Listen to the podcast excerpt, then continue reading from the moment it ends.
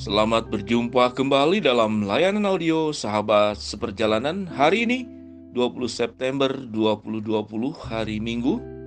Tema daripada saat teduh dan renungan hari ini yaitu obesitas keinginan, obesitas keinginan. Firman Tuhan terambil dalam Matius 16 ayat ke-26 demikian bunyi firman Tuhan. Apa gunanya seorang memperoleh seluruh dunia tetapi kehilangan nyawanya? Dan apakah yang dapat diberikannya sebagai ganti nyawanya? Apa gunanya seorang memperoleh seluruh dunia tetapi kehilangan nyawanya? Dan apakah yang dapat diberikannya sebagai ganti nyawanya? Mari kita berdoa. Bapak yang di dalam surga, kami menyadari bahwa kekacauan di dalam dunia ini rata-rata disebabkan justru adalah oleh kesalahan manusia secara menyeluruh, secara kolektif.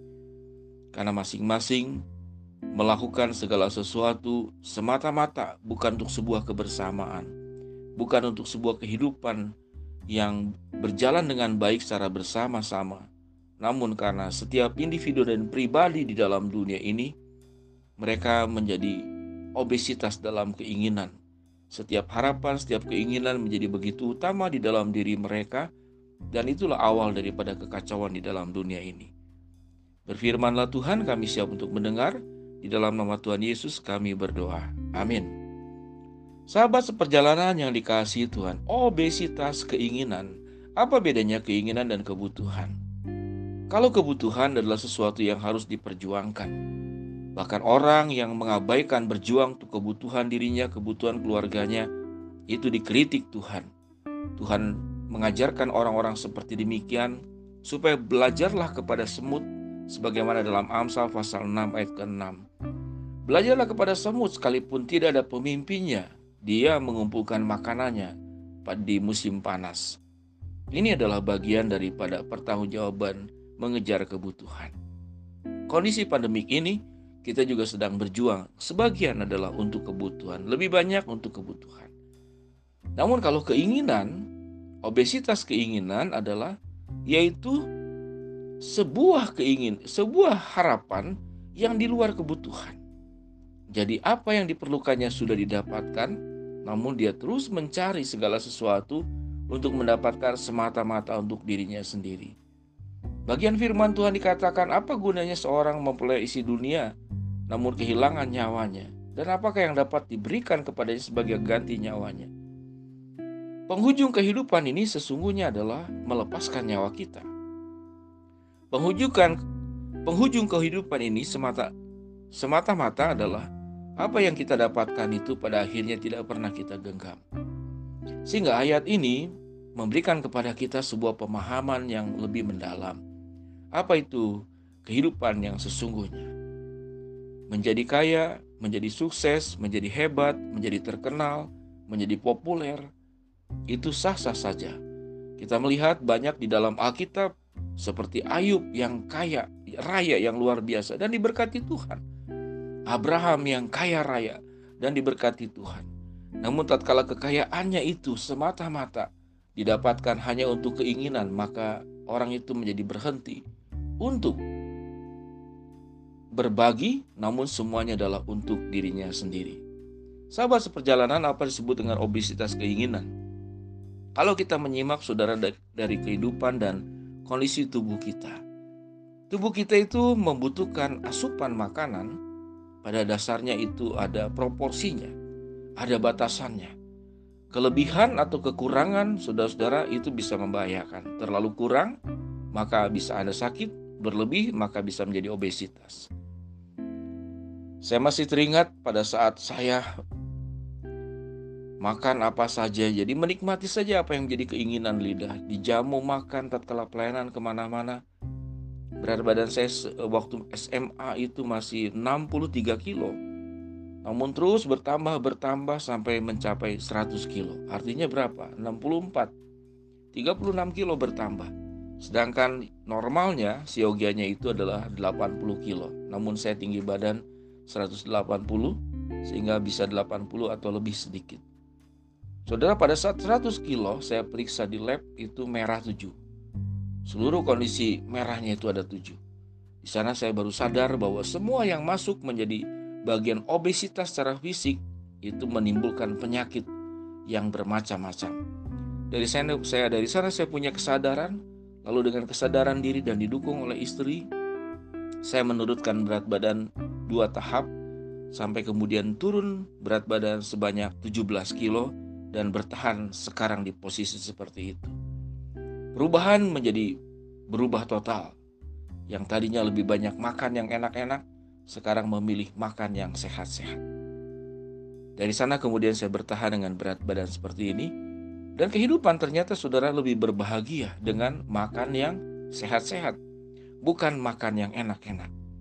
Kehidupan juga sama. Kalau kita penuh dengan obesitas keinginan, maka kehidupan kita itu berorientasi mencari yang enak-enak. Apa yang enak, apa yang menyenangkan kita, sekalipun itu bisa merugikan orang lain, merugikan diri sendiri, kita tempuh. Sedangkan Tuhan memanggil kita untuk hidup tidak enak-enak, tapi hidup itu sehat-sehat. Sehat buat dirimu, sehat buat orang lain. Apa tuh sehat? Sehat artinya bisa menilai segala sesuatu itu tepat pada waktunya. Bisa mengambil bagian sesuatu yang menjadi proporsional sesuai dengan kebutuhan kita. Apa yang menjadi lebih kita tidak santap, kita tidak raih, kita tidak genggam, kita tidak simpan. Apalagi kalau kita merampas dari hak orang lain. Maka itulah obesitas keinginan. Obesitas keinginan ini adalah sebagaimana dalam Matius pasal 16 ayat ke-26. Yaitu kalau orang itu belum memperoleh seluruh dunia, maka keinginannya tidak pernah akan berhenti. Itulah obesitas ingin meraih seluruh dunia itu dalam genggamannya. Namun Alkitab berkata, semua yang kita genggam pada akhirnya itu akan terlepas pada saat kita kehilangan nyawa kita. Saya masih teringat sudah seorang hamba Tuhan itu bercerita tentang bagaimana cara menangkap monyet. Monyet dan kita saudara tahu dengan jelas lebih lincah monyet. Di satu daerah tertentu saudara-saudara cara ada cara menangkap monyet yang cukup menarik. Tidak perlu ditembak, tidak perlu dijebak, namun cukup diberikan di sana ada toples yang isinya itu kacang. Nah, toples itu saudara-saudara yang tempat permen itu monyet itu mengambil kacang yang ada di toples lalu menggenggam tatkala masukkan pipih tangannya. Tapi waktu dia menggenggam, maka tangannya menjadi lebih membesar karena ada barang di dalamnya dan genggamannya. Sewaktu mau ditarik, maka dia tidak akan bisa kecuali dia melepaskan kembali kacang itu toplesnya itu berat sehingga pada saat mau ditangkap kiri kanan sudah ada kacang sementara tangannya sudah masuk dalam toples waktu dia berlari dia menjadi berat menjadi tidak lincah. Karena mengapa? Karena dia harus membawa kedua toplesnya karena genggaman kacang di tangannya dia tidak mau lepaskan. Kehidupan kita bukankah seperti demikian? Bolehkah kita makan kacang saudara? Boleh tetapi sewaktu kita menggenggam terlalu kuat, maka keinginan itu menjadi sebuah jebakan. Keinginan-keinginan itu membuat kehidupan kita menjadi obesitas. Sesuatu yang banyak pada diri kita belum tentu itu baik untuk kita. Jangan-jangan itu menjadi penyakit yang bisa mematikan kita. Sama dengan saudara obesitas dalam hal berat badan. Sahabat seperjalanan yang dikasihi Tuhan. Jangan kita menjadi pribadi obesitas keinginan, Firman Tuhan berkata dalam 1 Korintus 12 ayat ke-9, Cukuplah kasih karuniaku kepadamu. Bagaimana kita tahu? Mengejar sesuatu dengan cara tepat, punya keinginan dengan cara yang benar, yaitu membedakan antara keinginan dan kebutuhan. Jangan obesitas keinginan. Mari kita berdoa. Bapak yang di dalam surga hambamu berdoa bagi yang sedang sakit berbaring di rumah atau di rumah sakit Tuhan lawat, Tuhan jamah, Tuhan sembuhkan bagi yang sedang menghadapi rintangan, problem, dan masalah di dalam rumah tangga, di pekerjaan, atau di mana pun, Tuhan bukakan jalan. Bagi yang sedang berharap sesuatu, Engkau adalah Allah Jehovah Jireh yang mencukupkan kebutuhan kami. Tuhan kabulkan sesuai dengan waktu, rencana, dan kehendak-Mu. Kami serahkan Tuhan agar kami menjadi orang-orang berhenti untuk memiliki sebuah kehidupan obesitas keinginan. Dalam nama Tuhan Yesus kami berdoa. Amin. Selamat hari Minggu, selamat beribadah, Tuhan berkati. Tuhan terus menolong setiap sahabat seperjalanan dan jika lo terberkati lewat layanan audio ini silakan untuk share berbagi kepada sahabat teman-teman yang ada di WhatsApp. Tuhan memberkati. Shalom.